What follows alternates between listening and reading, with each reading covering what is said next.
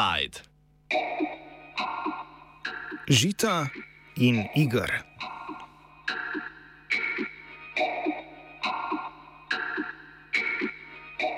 V podjetju Žito zapirajo obrata za Bežigradom v Ljubljani in v Novem mestu. Proizvodnjo bodo preselili v preostale tri obrate v Mariboru, na Vrhniki in na Ljubljanskem Viču. V obeh obratih, ki jo zapirajo, je skupno delalo prek 100 delavk in delavcev. Nekaterim zaposlenim bo pogodba o zaposlitvi odpovedana, nekateri bodo imeli možnost prerasporeditve na drugo delovno mesto, nekateri pa možnost upokojitve, trdijo v podjetju. Konkretnejših informacij o številu odpuščenih v podjetju, ki je med najpomembnejšimi igralci slovenske živilske industrije, za zdaj ne dajejo. Cilj koncentracije proizvodnje na treh lokacijah je povečanje produktivnosti in donosnosti. Žito, ki je od leta 2016 v večinski lasti Hrvaške podravke, naj bi tako v avtomatizacijo proizvodnje še letos investiralo 10 milijonov evrov. V včerajšnji oddaji Dnevnik na televiziji Slovenija je Marko Štor o zaprtju obratov poročal tako. Cena pšenice, ki žitu predstavlja najpomembnejšo vhodno surovino, se je od začetka napadov na Ukrajino povišala za več kot 100 odstotkov. Če k temu dodamo še nedavne podražitve energentov, pa dve leti nestabilnega poslovanja zaradi COVID-a, je racionalizacija poslovanja razumljiva. Toda, zaprtje proizvodnih obratov je napovedano že vsaj od konca prejšnjega leta, ko se vojna v Ukrajini še ni začela. Generalni sekretar sindikata kmetijske in živilske industrije Slovenije Boris Frankovič pojasni, kdaj so delavci izvedeli za zaprtje obratov. Moram eh, reči, da smo informacijo o tem, da bi se naj vežito zaprli pekarni v Nove mesto in Ljubljana Bežigrad dobili že pred eh, eskalacijo te ukrajinske krize. Tako da težko rečemo, da je to razlog za zapiranje teh dveh pekarn. V izjavi za javnost, ki so jo izžita na mesto odgovorov na naše vprašanja poslali danes, so krivdo za zaprtje dveh obratov zvalili predvsem na pandemijo.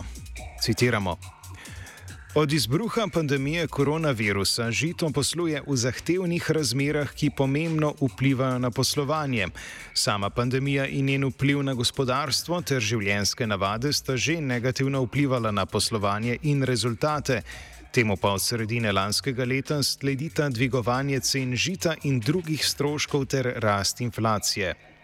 Namesto umiritve teh trendov in stabilnejšega okolja v letošnjem letu je začetek krize v Ukrajini prinesel nove negotovosti in še večjo rast cen pšenice in energentov.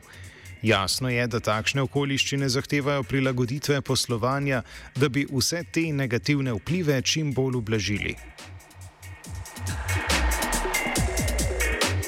Konec citata. Toda po mnenju Aleša Kuharja, agrarnega ekonomista z biotehničke fakultete, zapiranje dveh obratov večinoma ni povezano z aktualnim stanjem na trgu. Lokacije proizvodnih obratov, predvsem v Ljubljani na Samovi ulici, so namreč predobre, da bi tam proizvajali kruh. Iz podjetja nam sicer niso odgovorili, kaj bodo s prostori storili po zaprtju obratov. Prodaje, mislim, zapiranje proizvodne kruha v radiju so nekaj ne vem, kilometr pa pol ne, v centru Ljubljana, seveda popolnoma logičen ukrep v smislu izboljšanja eh, koristi za novega lastnika. Se pravi, to so zemljišče zelo dob, na dobri lokaciji, verjetno podjetje ne srcuje kakšne investicije v pekarsko dejavnost nekje druge in to popolnoma ne, nobene veze nima, verjetno gre zgolj za PR-ovsko aktiviranje v momentu, ko je dejansko eh, pač svet zaprepaljen z aktivnostmi v Rusiji, pa to nima nobene veze. Da vojna v Ukrajini ni pravi razlog za zaprtje obratov, nakazuje tudi dejstvo, da večine žita v Slovenijo ne uvažamo iz Ukrajine in Rusije. Uvažamo predvsem iz Mačarske, Srbije in Hrvaške, nekaj tudi iz Avstrije, predvsem moka, potem pa gremo rašinirane izdelke, pravi testenine. Eh, je pa Italija močen, močen uh, uvozni trg, odkud uvažamo.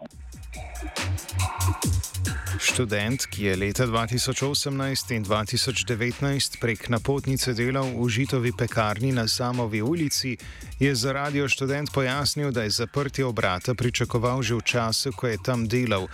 V obrat namreč niso vlagali večjih investicij, proizvodni stroji, ki so še iz časa Jugoslavije, pa so se po njegovih besedah kvarili skoraj vsak teden.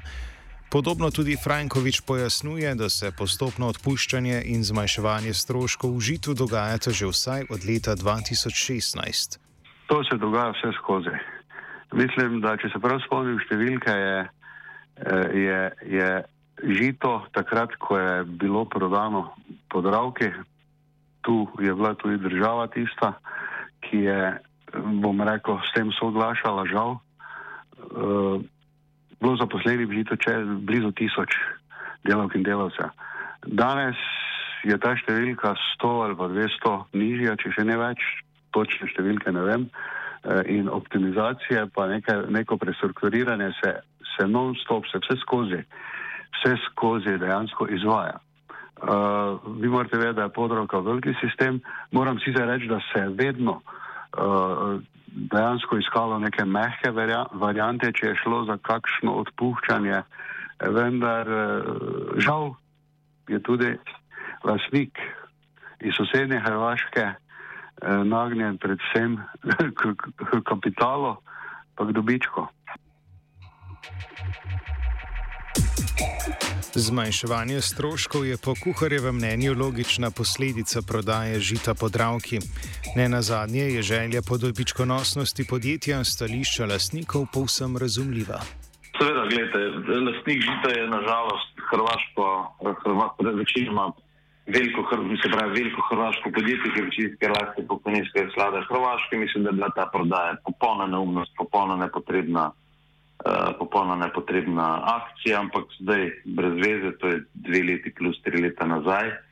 Uh, podjetje seveda, ko prevzame, je konsolidirano to področje, ker seveda iz, izvaja izrazito intenzivno, spreminja portfelj v korist novega lastnika. To zdaj ne more biti eh, presenečenje, ne? da se portfelj čisti, da se obrati odprodajajo, da se linije, proizvodne linije usklajuje z interesi novega lastnika. Ne? Medtem ko je konsolidacija proizvodnih obratov z vidika podjetja logična, pa je z vidika delavcev bolj problematična. V podjetju sicer obljubljajo sporazumno in postopno odpuščanje oziroma upokojevanje. Mesto zaposlenih je približno 49 delavk in delavcev v Ljubljani, Bežigrad med 60 in 70. Se to zdi na prvi pogled kar visoka številka, vendar. Eh, moram povedati, da nam je bilo strani vodstva žita zagotovljeno, da se bo poizkušalo, kjer bo le možno za delavce najti nadomestno zaposlitev v okviru poslovalnic žita, v okviru eh, družbe žito. Uh, tisti, ki pa bodo eventualno ostali brez dela, pa bodo obravnavani eh, korektno in, in mi računamo, da bodo bodo dobile še kaj več, kot jim to zagotavlja ta zakon in kolektivna pogodba dejavnosti. Po trditvah Helene Brumen iz podružnice sindikata kmetijstva in živilske industrije v podjetju Šumi Bomboni, ki je prav tako v lasti žita, se bo del delavcev vozil na druge proizvodne lokacije. Znano pa je tudi, da bodo prvi odšli zaposleni za določen čas oziroma prekarci. E, to pomeni, da določeni, ki bojo pač e, izrazili željo, prav, pravzaprav jim bo ponujeno, da se vozijo na druge lokacije, bojo pač šli na druge lokacije delati. Ne? Vsekakor pa vsi ne bojo za to, to je pa definitivno ne. Ker je tudi določeno, koliko ima mogoče kak delavc to, uh, že do samega obrata, ne vem, v novem mestu, lahko se vozi iz Žuženberga ali odle, potem je težko še voziti se dalje v Ljubljano, ne da zaenkrat še nimamo, če, mislim pa, da za vse ne bo. No. Tak, v tem primeru je pa tudi ta mehka odpuščanja, bojo, da določeni delavci bojo šli tudi v pokoj eh, z njihovo željo, ne, tisti, ki so izrazili željo, eh, tako da imamo kar dosti starejši kader. No. Tako da to, to se bo prvo upoštevalo, pa delovci, ki so za določen čas, ne? da v poteku pogodbe bojo pač se jim ne bo podaljšalo. Zaprtje dveh proizvodnih obratov žita se umešča v trend umikanja proizvodnje iz mestnih okolij, v katerih so bolj dobičkonosne stanovanske ali podobne investicije.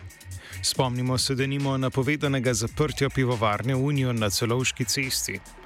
Poleg tega je zaprtje dveh proizvodnih obratov v Sloveniji odraz tega, da imajo žitovi obrati za podravko manjši pomen, kot so ga imeli za slovenske lasnike. Ne zaradi tega, ker bi pri tem šlo za famozni nacionalni interes, ampak preprosto zato, ker je bila podravka, preden je kupila žito, njegov konkurent, z njegovim nakupom pa je v tej konkurenčni bitki tudi že zmagala.